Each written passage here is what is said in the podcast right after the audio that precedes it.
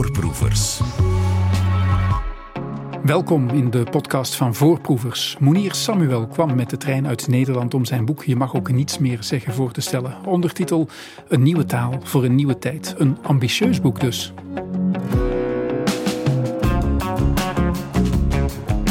Voorproevers. Je mag ook niets meer zeggen. Een nieuwe taal voor een nieuwe tijd. Heet het nieuwe boek van Monier Samuel. Monier het leest als een gelukkig heel sappig geschreven cursus. Opgedeeld in vijf grote hoofdstukken. Met daarover verspreid vijftien kernwaarden die we moeten aanleren. Doorspekt met rode kaders en aanbevelingen en nieuwe woorden die geaccentueerd worden. Waarom vond je die uh, academische structuur belangrijk in je boek? Ik zou het dus niet academisch noemen, maar speels. Mhm. Ik wilde niet, en dat het een hele lange lab tekst zou zijn. Dus ik heb met zoveel mogelijk kaders gewerkt, met ook verschillende moeilijkheidsgraad. Juist om het uh, en makkelijk terugvindbaar te maken. Dus bijvoorbeeld aanbevelingen, heel helder. Oké, hier staan suggesties hoe het anders kan of wel moet, of een stappenplan. Uh, dit is uh, verdieping, dus echt ges geschiedenis en duiding en context achter kwesties van uh, hoe ooit het Nederlands gestandardiseerd is voor de Statenvertaling, de Bijbel, en welk mens God speelt dat heeft opgeleverd, tot waarom roze eigenlijk een kleur is die gelinkt is aan de LHBTQA gemeenschap, en waarom je geen woord als gemeenschap moet gebruiken. dus ehm, die kaders zijn niet bedoeld om het intelligent te maken, maar vooral speels en makkelijk. Overzichtelijk. Overzichtelijk. Ja. Uh, niet uh, intimiderend. Want ik weet dat wanneer je aan taal komt, het mensen werkelijk in hun diepste zijn raakt. Um, dat hoef ik zeker Vlamingen niet uit te leggen. Um, en dat op zichzelf kan al de nodige shocktherapie geven. En dan wil je graag dat het boek speels, toegankelijk is, zacht, fijn, vrolijk. Dat je af en toe kan lachen. Uh, en dat er mooie cartoons en illustraties in staan voor degenen die dat kunnen zien. Uh, dus ik heb er alles aan gedaan om het boek in ieder geval zo leesbaar mogelijk te maken. Monier wil heel veel tegelijk aankaarten, dacht ik vaker. Racisme, religie, gender en geaardheid, het klimaat, onze gekleurde kijk op aardrijkskunde en geschiedenis, discriminatie van mensen met een beperking migratie, onderwijs? Had je dat overzicht ook nodig om een beetje je eigen gedachten te ordenen? Het punt is, ik ben zelf iemand die voorbij iedere identiteit een laag beweegt. En je kan de kwesties niet opsplitsen. Dus wat ik doe in een boek, ik werk met waarden. De waarden komen voor de woorden. Waarom? Waarden zijn vrij tijdloos. Woorden zijn tijdelijk. Ieder woord wat ik in dit boek voorstel, moet allereerst maar eens worden aangenomen. Want als niemand het gebruikt, dan komt het ook nooit in de vandalen. Maar ten tweede, uh, dat woord zal weer aan vervanging toe zijn. We zeggen nu misschien niet meer slaven, maar tot slaaf gemaakt. En ik kan me voorstellen dat het over vijf jaar weer iets anders is. Maar de waarde, wij decoloniseren de Nederlandse taal, blijft. En blijft actueel, ook over vijf jaar en tien jaar. En het andere is dat waarden ook een, een verschillende invulling uh, krijgen per plek. Dus om even het bij de kunst- en cultuursector te houden, bijvoorbeeld. Op een gegeven moment had het Rijksmuseum besloten het N-woord af te schaffen. Dus in alle aanduidingen van de beroemde grote Nederlandse meesters gebruiken zij niet meer het N-meisje, maar bijvoorbeeld het meisje met de, op de plantage, whatever. Um, kan je nog steeds moeite hebben met het woord meisje. Maar toen kreeg ik, mocht ik een training geven aan de 150 grote poppodia en popfestivals van Nederland. En die zeiden: Ja, maar wat doen we met Beyoncé die het N-woord gebruikt? En zo, zo merk je dat de waarde blijft staan, maar dat de woordkeus en de invulling daarvan echt per plek uh, en situatie en omstandigheid verschilt. En in, het, in die opbouw van de waarde begin je bij de kern van ieder mens, namelijk diens geslacht. Tegenwoordig wordt zelfs voor de geboorte van een kind al een, een gender reveal party gegeven en wordt eigenlijk de, het hele zijn, bestaan en de toekomst van dat kind bepaald. Met hele expliciete verschillen. Dus we zijn trots met de geboorte van onze zoon en blij en verheugd met de geboorte van ons meisje. We hebben strakke vormen op het geboortekaartje van een jongen. We hebben zachte ronde vormen op het geboortekaartje van een meisje. Op het geboortekaartje van een jongen staan uh, uh, dus, uh, grote dieren, leeuwen, tijgers. Op een meisje eenden, lammetjes, schaapjes, kikkers. En waarom zeggen we meisje en geen jongen? En daar begint een ongelijkheid die vervolgens groeit. Verkleinwoordjes. Ja, en die vervolgens groeit door de jaren heen en afhankelijk van de identiteit die je hebt. Dus ik ga van geslacht naar genderidentiteit, naar seksuele oriëntatie, naar validiteit en of je een beperking hebt of niet. Of je neurodivers bent, of je een kleur hebt, of je een migratieverleden hebt, et cetera, et cetera. En dat bouwt langzaam op. En daarom heb je aan het eind van het boek ook een privilegepyramide. Want uiteindelijk zijn wij allemaal meer dan één bouwsteen. Dus als ik het boek alleen op decolonisatie en racisme zou richten, of alleen op genderinclusiviteit, dan doe ik de mens in zijn totaalheid en de samenleving tekort. Willen we toch een paar woorden eruit halen. Want dat is ook het leuke, de fun aan je boek. Dat je nieuwe woorden bedenkt. Dat je Mm. ook woorden hertaalt. Was heel leuk om te doen, ja. Ja, ik dacht, hij heeft, hij heeft hier echt plezier in gehad. Ja, ja dat klopt. Het boek komt voort uit eh, wel, denk ik, heel wat persoonlijke frustratie en zo. Maar Veel pijn. Echt Veel heel pijn. veel pijn. Het was vaak huilen bij het schrijven. Want je, ik ben die persoon met die visuele beperking. Ik ben die persoon die transgender is. Ik ben die persoon met die migratieachtergrond. Ik ben die persoon die... Eigenlijk bij elke waarde ging het wel over mij of mijn dierbaren. En dan eh, moet je door die pijn, die woede, dat pesten, alles heen... om het vervolgens daar weer te overstijgen. Want ik geloof dat heel veel activisten woede gebruiken als motor en drijfveer. Maar dat de enige emotie die daadwerkelijk uiteindelijk verbindt en werkt om daadwerkelijk blijvende verandering te brengen, liefde is. Dus ik moet door mijn eigen woede, pijn, verdriet, trauma's heen werken. En die van anderen. Want hè, ik heb door de jaren heen duizenden mensen gesproken als journalist voor de Groene Amsterdammer. En ze hebben mij keer op keer uitgelegd, getoond wat het betekent om geadopteerd te zijn, om een vluchteling te zijn, om moslim te zijn, om, om, om. En dan daardoor heen te werken en vervolgens het niet alleen uit te kunnen leggen, te erkennen, uit te leggen, maar ook een stuk heling en verzoening eh, te brengen. Want uiteindelijk gaat het boek om waarheid en verzoening en rechtsherstel. En was het verzinnen van die woorden dan op een bepaalde manier eh, therapeutisch? Ja, dat was therapeutisch en een geweldig spel. En wat ik het allerleukste vond, was om voor al die Engelse leenwoorden Nederlandse hertalingen te werken. Zodat we kunnen zeggen: nee, dat is geen probleem van dat overgewaaid is uit de Verenigde Staten. Het is ons probleem in de polder. En we hebben onze eigen polderwoorden voor en onze eigen polderoplossing. Want dat was een eh, eye-opener voor mij, een oogopener. Mhm. Dat heel veel van die termen inderdaad in het Engels zijn. Eh, En dat, laat, dat toont aan, oogopeners trouwens, een validisme, meneer.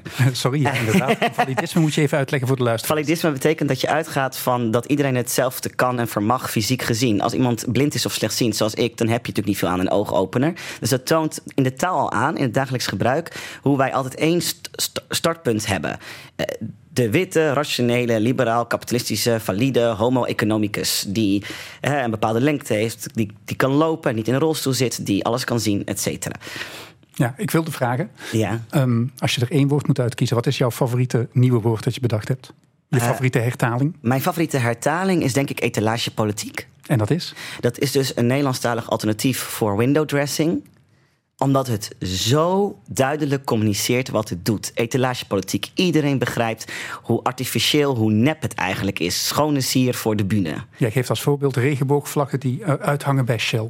Bijvoorbeeld, en dat heet dan weer roze wassen. De roze wasstraat van Shell in de plaats van pinkwashing, zoals het in het Engels heet. En waarom ik eh, specifiek voor zoveel Engelse leenwoorden Nederlandse vertaling heb bedacht, is omdat je nu merkt dat vooral. eh, de rechterflank roept, ja, dat MeToo is uit Amerika. Dan zegt natuurlijk nooit Verenigde Staten, nee, Amerika, wel dat twee continenten zijn. En dat hele Black Lives Matter is alleen maar iets uit de VS. En daar moeten wij ons dan nu druk over maken. En uh, al het gezeik over mansplaining en tonepolicing. En tegelijk merk ik ook dat bijvoorbeeld mijn Hollandse oma het niet begrijpt. Maar als ik in plaats van manspreading de mannen zit, zeg... Dan Die moet kende ik trouwens niet. Manspreading, dat je dus Nee, met de man bij het been zit. Ja. Ja, dan zit je niet in de feministische hoek. Maar als je daar wel in zit, dan ken je de term manspreading absoluut. En dat is dus dat mannen die wijdbeen zitten en laten we zeggen eh, hun geslachtsdelen etaleren. En daarmee vaak met name richting vrouwen bijzonder intimiderend zijn en ongepast. En daar heb ik dus de mannenzit van gemaakt. En dan kan je dus zeggen in het Nederlands... zit niet zo in de mannenzit. Of doe Ja. niet aan een mannenzit.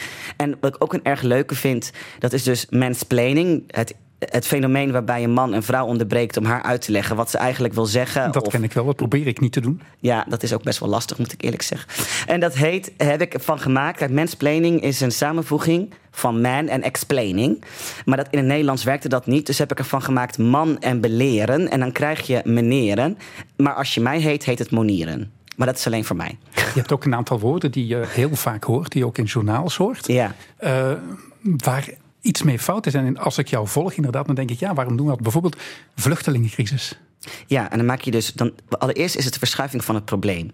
Want het lijkt dan alsof de vluchtelingen het probleem zijn. Terwijl de crisis natuurlijk eigenlijk. Wat is de crisis? De reden van de vlucht. Het beleid rond vluchtelingen. Maar ten tweede, zijn die mensen alleen maar dat? Vluchteling. Ik maak het personen met een vluchtverleden. Omdat het probleem is ook dat we in het Nederlands de neiging hebben mensen voor eeuwig vast te pinnen aan die ene onvrijwillige daad, want niemand vlucht voor zijn lol. En dat sterker nog overdrachtelijk maken naar de kinderen en de kleinkinderen. Dus dan ben je een derde generatie vluchteling. Je komt er nooit van af. Nee, het is een persoon met een vluchtverleden. Je bent één keer gevlucht, hopelijk. En daarna is het klaar. En ben je gewoon weer wat je ook maar was klimaatverandering. daar hou je ook niet van. Nee, want het doet het probleem tekort. En daarmee, uh, sommige mensen spreken zelfs van klimaatkans. En daarmee uh, ontkennen we allereerst de urgentie ervan. Het is het verschil als zeggen: ik heb kanker of ik heb een verdacht plekje. Dus ik noem het klimaatramp. Dat roept ook op tot de daadkracht die nu nodig is. Wij dachten hier in België dat we, uh, we worstelen altijd met de term allochtoon. Ja. En we hadden daar nieuwe Belgen van gemaakt. We dachten, nu zijn we er. Nee, Nee, want je maakt nog steeds een onderscheid tussen de Belg en de nieuwe Belg. En wie is dan een nieuwe Belg? Als ik een derde generatie geboren getogen Belg ben, ben ik dan nog steeds een nieuwe Belg? Um, Wie zorgt het is gewoon een Belg. Die woorden ingang vinden, bijvoorbeeld ook in de, in de journaals, in de kranten. Bij nou, dat doen wij nu bijvoorbeeld. Dus elk woord wat jij nu reproduceert uit het boek, zal worden geregistreerd als gebruikt in de media. En in het, het huidige systeem van het groene boekje in de Vandalen werkt zo dat er geturfd wordt op het gebruik van woorden in, kranten, radio, tv-uitingen. En omdat de representatie zo niet klopt van vrouwen, personen van kleur, et cetera, uh, merk je dat dezelfde mannen eigenlijk de vandalen bepalen, terwijl de meerderheid van de bevolking hele andere woorden gebruikt. Dus als jij nu heel vaak de woorden uit mijn boek gebruikt in deze uitzending en een paar Vlaamse opiniemakers worden daar heel boos of heel blij van en gaan daar dikke columns over schrijven in de Standaard in de Morgen, dan verschijnt het vanzelf in de vandalen. Dus je moet zoveel mogelijk interviews geven. Bijvoorbeeld, en zoveel mogelijk mensen moeten zich hier of heel boos of al heel blij over maken. Beide werken om in de vandalen te komen. Heb je jezelf bij het eh, schrijven van het boek betrapt op fouten of vooroordelen? Oh ja, absoluut. Bijvoorbeeld um, validisme. Ik trek die definitie dus verder op.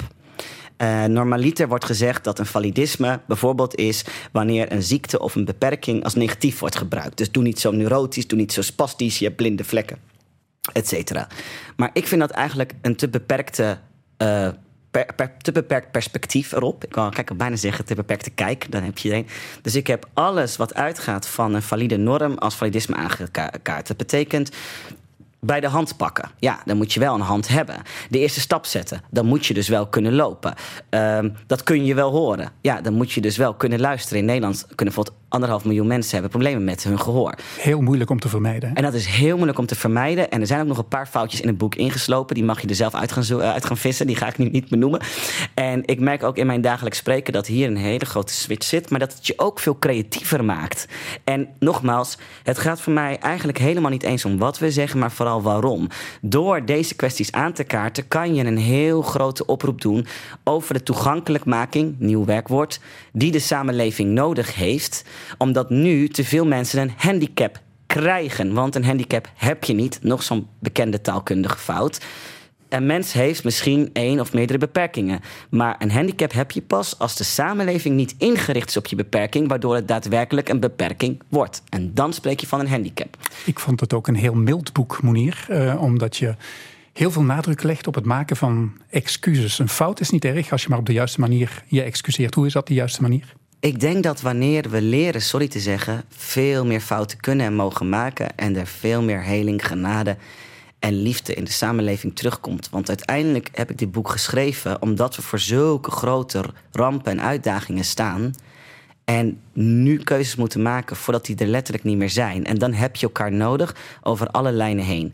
En een goed excuus geeft erkenning van de pijn. Die benoemt dat. Die doet aan een stukje waarheidsvinding. Die stapt er niet overheen. Die zegt niet, nou, is het wel echt zo erg? Nee, die zegt, ik weet niet hoe erg het is. Maar ik geloof jou, ik hoor jou, ik zie jou, ik voel jou, ik ken jou. Want dat is de grootste schreeuw in onze samenleving. Hoor mij, zie mij, voel mij, ken mij. Je legt de fout bij jezelf en niet bij de ander. Ja, en zelfs wanneer je de fout niet zelf hebt gemaakt, kan je de pijn van de ander verlichten. En vervolgens, nadat, doe je aan het rechtsherstel. Dus oké, ik heb een fout gemaakt, of het systeem maakt een fout, of dit land maakt fouten en doet jou als mm, persoon met autisme, Alzheimer, whatever, tekort. Ja? Uh, dan herken je die pijn, daar stap je echt in en vervolgens zeg je: en wat kan ik doen van, met mijn perspectief, handelingsperspectief, om jou tegemoet te komen? Want dat is het stukje rechtsherstel. Wat we nu doen is sorry, en dan moet je maar blij zijn met die sorry, en dan is de kous af. Nee, zo werkt het dus niet. Je richt je zowel tot Nederland als tot België in het boek. Soms komen wij er goed vanaf, soms uh, geef je ons de verlangs. Radio 1. Voorproevers. Dat multi-etnisch heb ik uit het boek van Monier Samuel. Je mag ook niets meer zeggen waarin hij een nieuwe taal voor een nieuwe tijd ontwerpt. Wij zeiden op Radio 1 wel eens dubbelbloeden in plaats van multi-etnische Belgen Monier. We hadden hier ooit zelfs een programma dat dubbelbloed heette nooit meer doen. Waarom niet? We schaffen dat bloed af omdat het uit een heel raciaal, eng, koloniaal denken komt. Waarbij eigenlijk oorspronkelijk alleen de witte bloedstroom gold. En het is natuurlijk heel bizar om te denken dat een mens meerdere bloeden in zich heeft. Er zit ook een heel uh, Spaanstalig kastensysteem van 16 kasten achter. Met dan helemaal typeringen van hoeveel zwart, hoeveel wit, hoeveel, uh, nou ja, et cetera. Dus het is nu vanaf nu meer kleurig voor mensen die meerdere kleurgroepen, niet rassen, in zich dragen. En multi-etnisch, wanneer zij een meervoudige etnische achtergrond hebben. En dan heb je ook nog pluricultureel, wanneer je meerdere culturele stromingen hebt. En de gemiddelde witte Belg is pluricultureel, want die is bijvoorbeeld en Vlaming en Belg. En dan heb je al, ben je eigenlijk al bicultureel. Nog los van je religieuze uh, overtuigingen, of het feit dat je een gothic bent, of helemaal into hip-hop, of uh, homoseksueel. Dus je hebt altijd meerdere culturen in je feitelijk. En dit geeft dus ieder mens meer gelaagdheid. Ook die witte Vlaming die zich misschien vaak in dit soort gesprekken buitengesloten voelt. Maar de witte Vlaming, de Belg, krijgt een paar complimentjes in je boek. We schelden bijvoorbeeld minder kwetsend dan de Nederlanders. Althans, in ieder geval met minder ziektes. Minder ziektes in Nederland. Nederland is het nummer één land ter wereld die met ziektes scheldt. En dan met name het K-woord. Ja, erg eigenlijk. Hè? Vreselijk, ja. ja. Zwarte Piet is hier ook uh, vrijwel geruisloos een roetpiet geworden. Ja, dat hebben jullie heel verstandig gedaan. Hecht de Nederlander meer aan zijn racistische feestgewoonte? Of passen wij ons gewoon makkelijker aan? Ik denk dat Sinterklaas dieper geworteld is in de Nederlandse traditie. En dat uh, Nederland een uh, hardere machtsgroep heeft versus de vele zeer vocale, meer vocale, uh, zogenaamde minderheidsgroepen die ondertussen samen de meerderheid zijn. het probleem is ook dat jullie eerlijk gezegd in Vlaanderen veel minder sociale mobiliteit hebben, waardoor personen van kleur minder toegang hebben tot bepaalde plekken om hun punt te maken. Dus het is een ingewikkelde, maar mijn complimenten voor jullie omgang met Sinterklaas en Zwarte Piet. Maar voor het uh, zelfgenoegzaam worden, de excuses van koning Filip aan Congo voor wat zijn bedovergrootvader aanrichtte, waren voor jou niet in eh, verhouding tot de feiten. Daar schrijf je eigenlijk een heel groot stuk uh, ja, over. het is echt een genocide wat er in Congo heeft plaatsgevonden. En er zijn heel veel Belgen die dat nog steeds niet willen erkennen. Maar volgens iedere juridische en politieke, ik ben ook politicoloog, definitie was Congo echt een genocide puur sang. Je vergelijkt uh, Leopold II zelfs met Hitler. De Hitler van Afrika wordt die vaak genoemd. En ik heb ervoor gekozen die term te reproduceren. Ja, heb je daarover getwijfeld? Ja. Want je mag, eigenlijk mag je bijna niks met Hitler vergelijken. En toen ging dan lees je die pagina's over Congo. En dan mag je toch je opnieuw afvragen. Hij heeft meer doden op zijn geweten dan Hitler. Ja. Dus dan vind ik dat het misschien toch uh, mag. En daarbij, ik zeg, hij wordt zo genoemd. Ik zeg niet dat ik hem zo noem. Ik let natuurlijk wel op mijn woorden. Onze aardrijkskunde moet ook op de schop. Je stelt andere benamingen voor, voor delen van de wereld. Uh, het Midden-Oosten, wordt Zuidwest-Azië. Want het Midden-Oosten, het, het midden van wat? Je moet bedenken, een hele regio wat de bakermat is van de menselijke geschiedenis wordt gereduceerd tot het midden van iets dan ten opzichte van dat Verre Oosten. Maar pak je dan bijvoorbeeld een Chinese wereldkaart, dan liggen wij helemaal aan het oosten, aan de andere kant van de zee. Dus is feitelijk Europa het overzeese oosten. Dus het hele Westen-Oosten is een, is een bizar gegeven wat uitgaat van een eurocentrisch of een eurogecentreerd wereldbeeld. En overigens, die hele oproep om de kaart te veranderen heb ik dan weer van een fantastische kaartenverkoper uh, in, uh, in Gent. Uh, die mij ooit een een, een hele oude Franse stafkaart gaf. Ja, moest die meenemen, die kaart? Ja, die moest ik meenemen. Want bij nader inzien had hij last van zijn koloniale schuld. Uh, dat hij heel zijn leven geld had verdiend aan vreselijke koloniale kaarten. Met dan de oproep aan mij om rechtsherstel te brengen. Nou, daar ben ik dus mee begonnen in het boek. Uh, maar ik wilde Belgen wel een compliment maken. Want wat ik zelf het meest frappante verschil vond tussen Nederland en België is het verschil in pesten. En dat in Nederland feitelijk acht op de tien kinderen vroeg of laat wordt gepest voor zijn 18e levensjaar. En in België zou dat 16% zijn. Zelfs als er hele andere statistieken en onderzoeken worden gedaan, is dat verschil toch wel dermate groot dat ik dat wel chockerend vind. We zijn hier op Ketnet, onze jongerenzender, net weer begonnen met onze jaarlijkse actie tegen het pesten.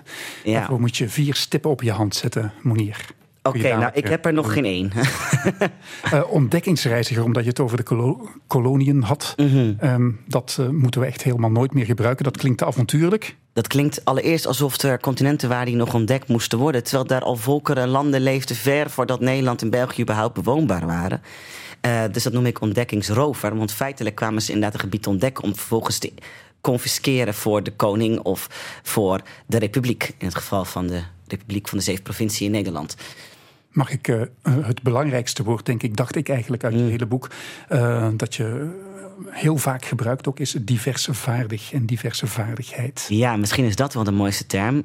Ik ben helemaal niet zo onder de indruk van het hele divers, diversiteit en inclusie verhaal en al die diversiteit en inclusie portefeuilles.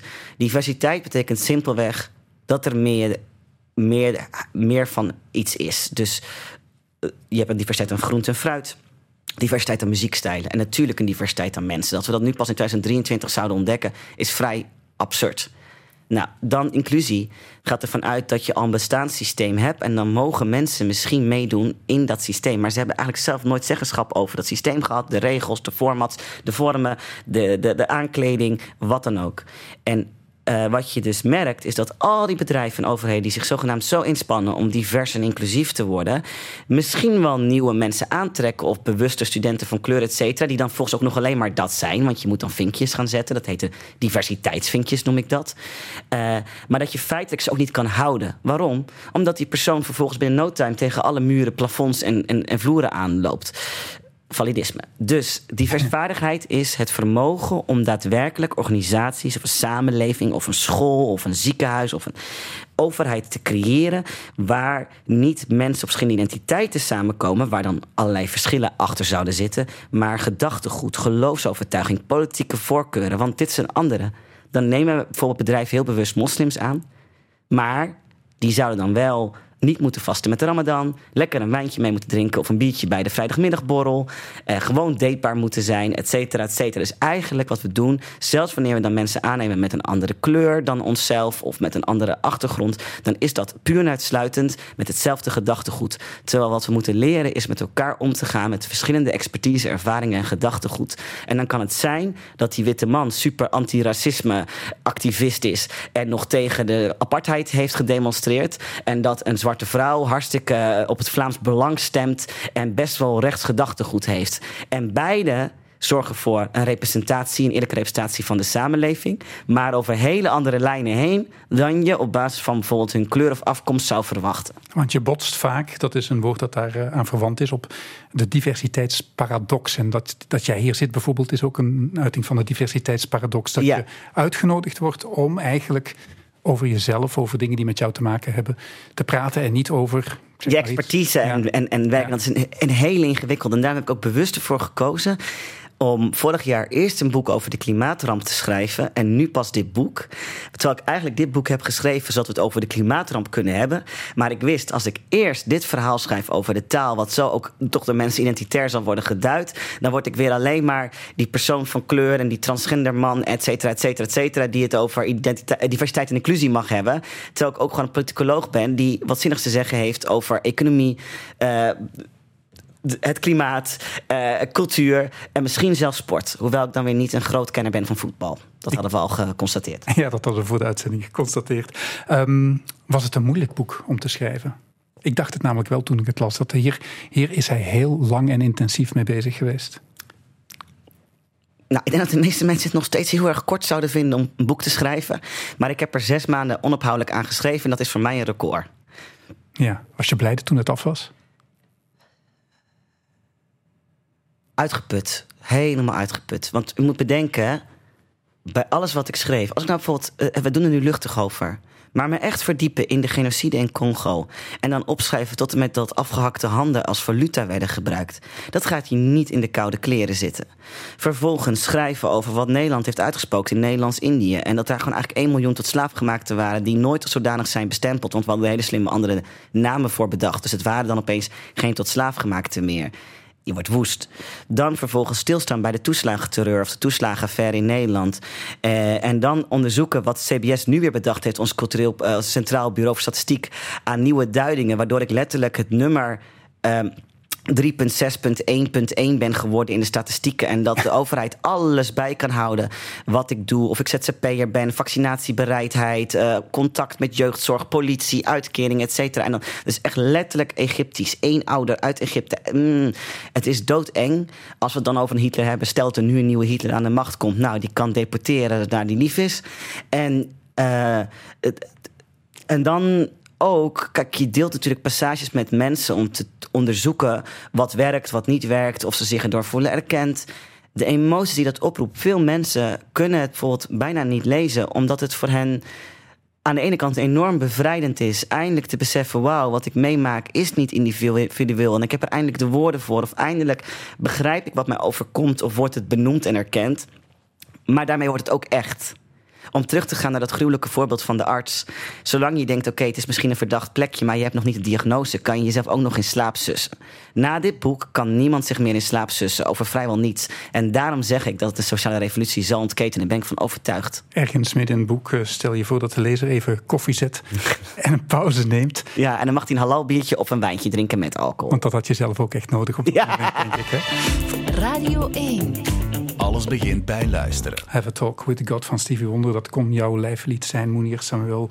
Jouw boekje mag ook niets meer zeggen. Een nieuwe taal voor een nieuwe tijd gaat honderden bladzijden lang over uh, identiteit in de 21ste eeuw en hoe die minder gedomineerd moet worden mm. door de witte, heteroseksuele, valide, maar cisgender, mannelijke moraal. Ja? Maar ook hoe we die identiteiten moeten erkennen, maar overstijgen. Ja, Omdat we allemaal meer zijn dan onze identiteiten. En daarvoor kom je bij God. Onder andere, want het is heel interessant, vind ik zelf en heel treffend de, de, het Nederlands is gestandardiseerd voor de Statenvertaling. Op een gegeven moment kwamen de Engelsen met hun King James Bijbel.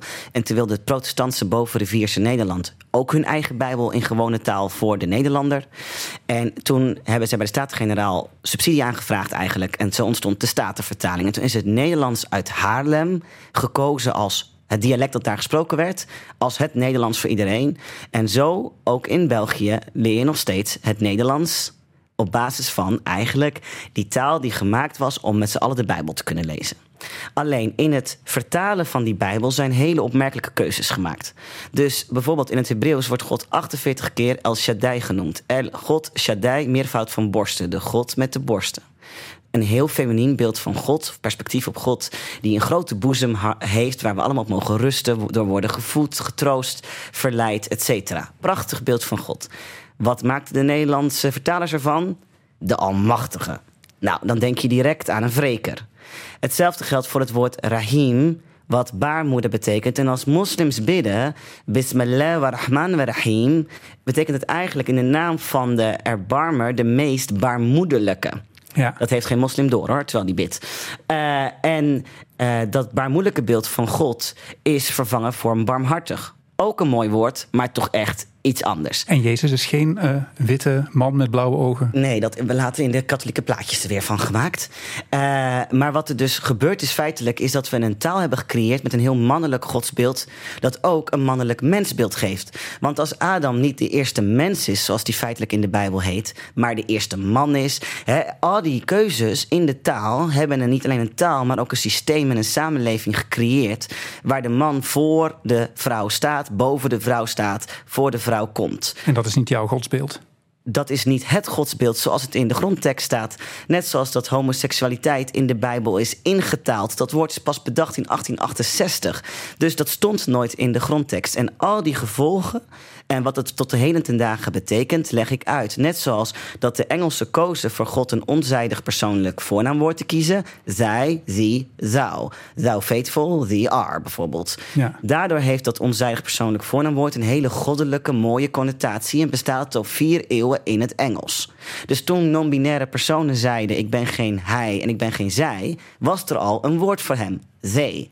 Maar in Nederland en België wordt nog steeds door non-binaire personen of agender personen of bigender personen geworsteld met het, uh, met het daadwerkelijk ons eigen persoonlijk voornaamwoord, omdat wij dat dus niet in onze Bijbel hebben gedaan. Wij hebben van God een hij gemaakt, hebben dus nooit dat woord hen, hun of die dienst in de taal eh, en goddelijke status gegeven, überhaupt geen status.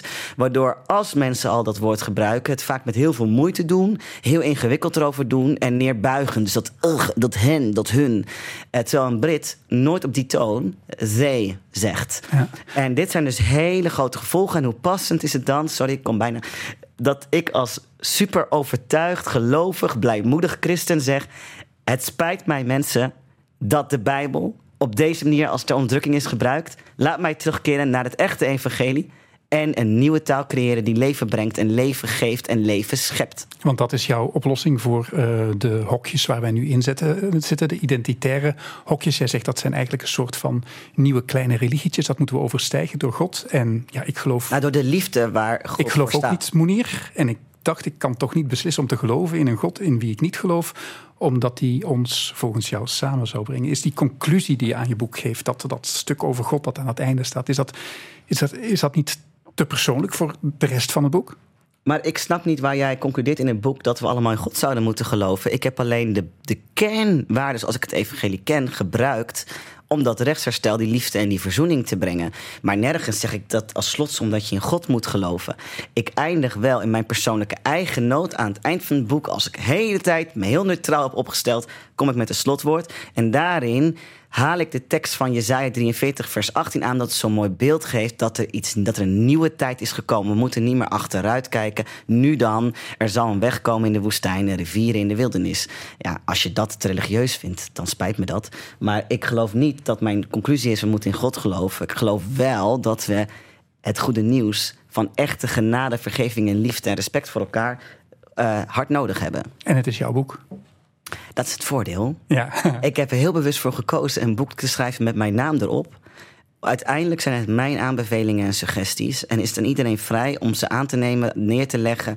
Um, en daar moet ik bij opmerken dat voor mij uiteindelijk. Kijk, de taal heeft hele grote gevolgen.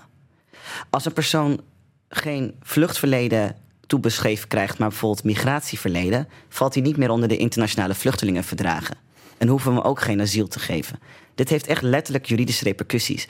Als je in de taal niet bestaat, zoals non-binaire persoon in de Nederlandse en de Belgische overheid, ken alleen nog steeds man-vrouw, dan, dan heeft dat zulke grote politieke, juridische, economische en medische gevolgen. Um, maar taal creëert ook echt haat.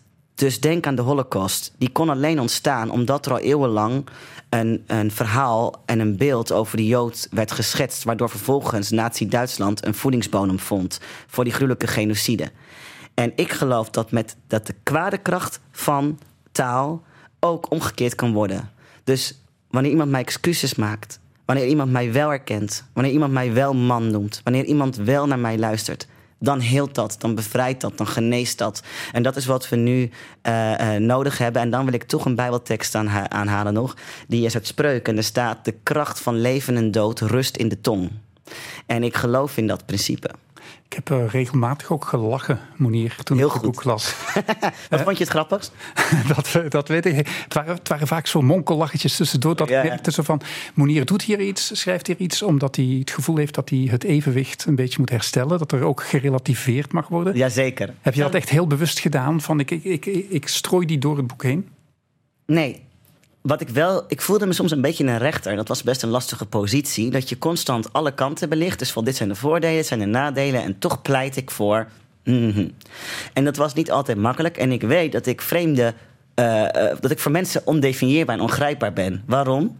Ik, ik hoor niet bij een zekere hoek. Dus ik zit niet in de hardcore antiracismebeweging. Met woke heb ik niks, want niemand is wakker genoeg om het slaap uit de ogen te vegen. Die mag je ook meteen eh, op een tegeltje zetten. Dus het idee bijvoorbeeld van genderloos of gendervrij opvoeden slaat nergens op. Want iedereen heeft een gender. Ook wanneer je zegt, ik heb, ben agender, ik heb geen genderidentiteit, is dat op zichzelf een genderidentiteit. Dus ouders die ook krampachtig jongens, wat dan meiden speelgoed heet, geven. Of meiden alleen jongens speelgoed geven. Sowieso de hele verdeling van dat speelgoed is natuurlijk ook een beetje vreemd. Dat vind ik niet gendervrij eh, opvoeden. Dat is gendergestuurd opvoeden, maar dan de andere kant op. Wat je wel kan doen, is genderinclusief opvoeden. En deze vrij nuchtere re- relativatie neemt vaak weer mensen mee die zich anders niet zo snel in dit verhaal thuis voelen. En om dezelfde reden cancel ik ook de cancelcultuur. We hebben nog een paar minuten. Ik zou er uh, nog een paar uh, leuke woorden bij willen halen. Yes, maak het, het, het verschil tussen... Uh, tussen uh, die, die kinderen, orchideekinderen. Ja, je hebt orchideekinderen en paardenbloemkinderen. En paardenbloemkinderen. Ja, dat is uit de pedagogiek.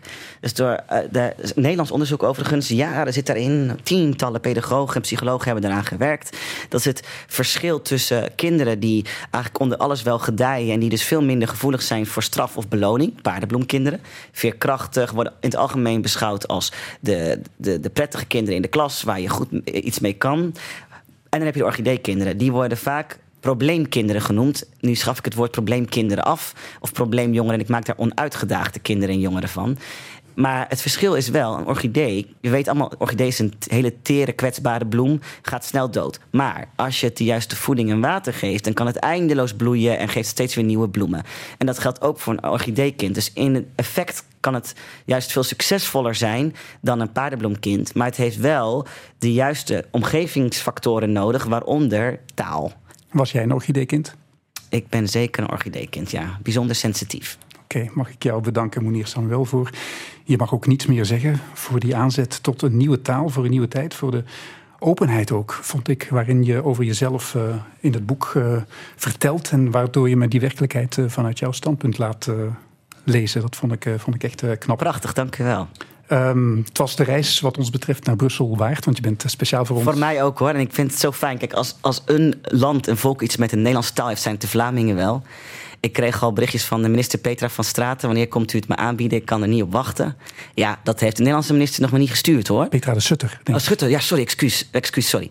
Dus het feit dat, dat, dat, dat zelfs het kabinet hierop zit te wachten, laat mij, uh, bewijst voor mij weer hoeveel belang er aan zo'n boek wordt gehecht. We gaan zo meteen hier nog napraten en uh, u kunt thuis nalezen dat uh, boek. Voorproevers. Dit was Voorproevers met Monier Samuel over een nieuwe taal voor een nieuwe tijd die hij voorstelt in zijn boek Je mag ook niets meer zeggen.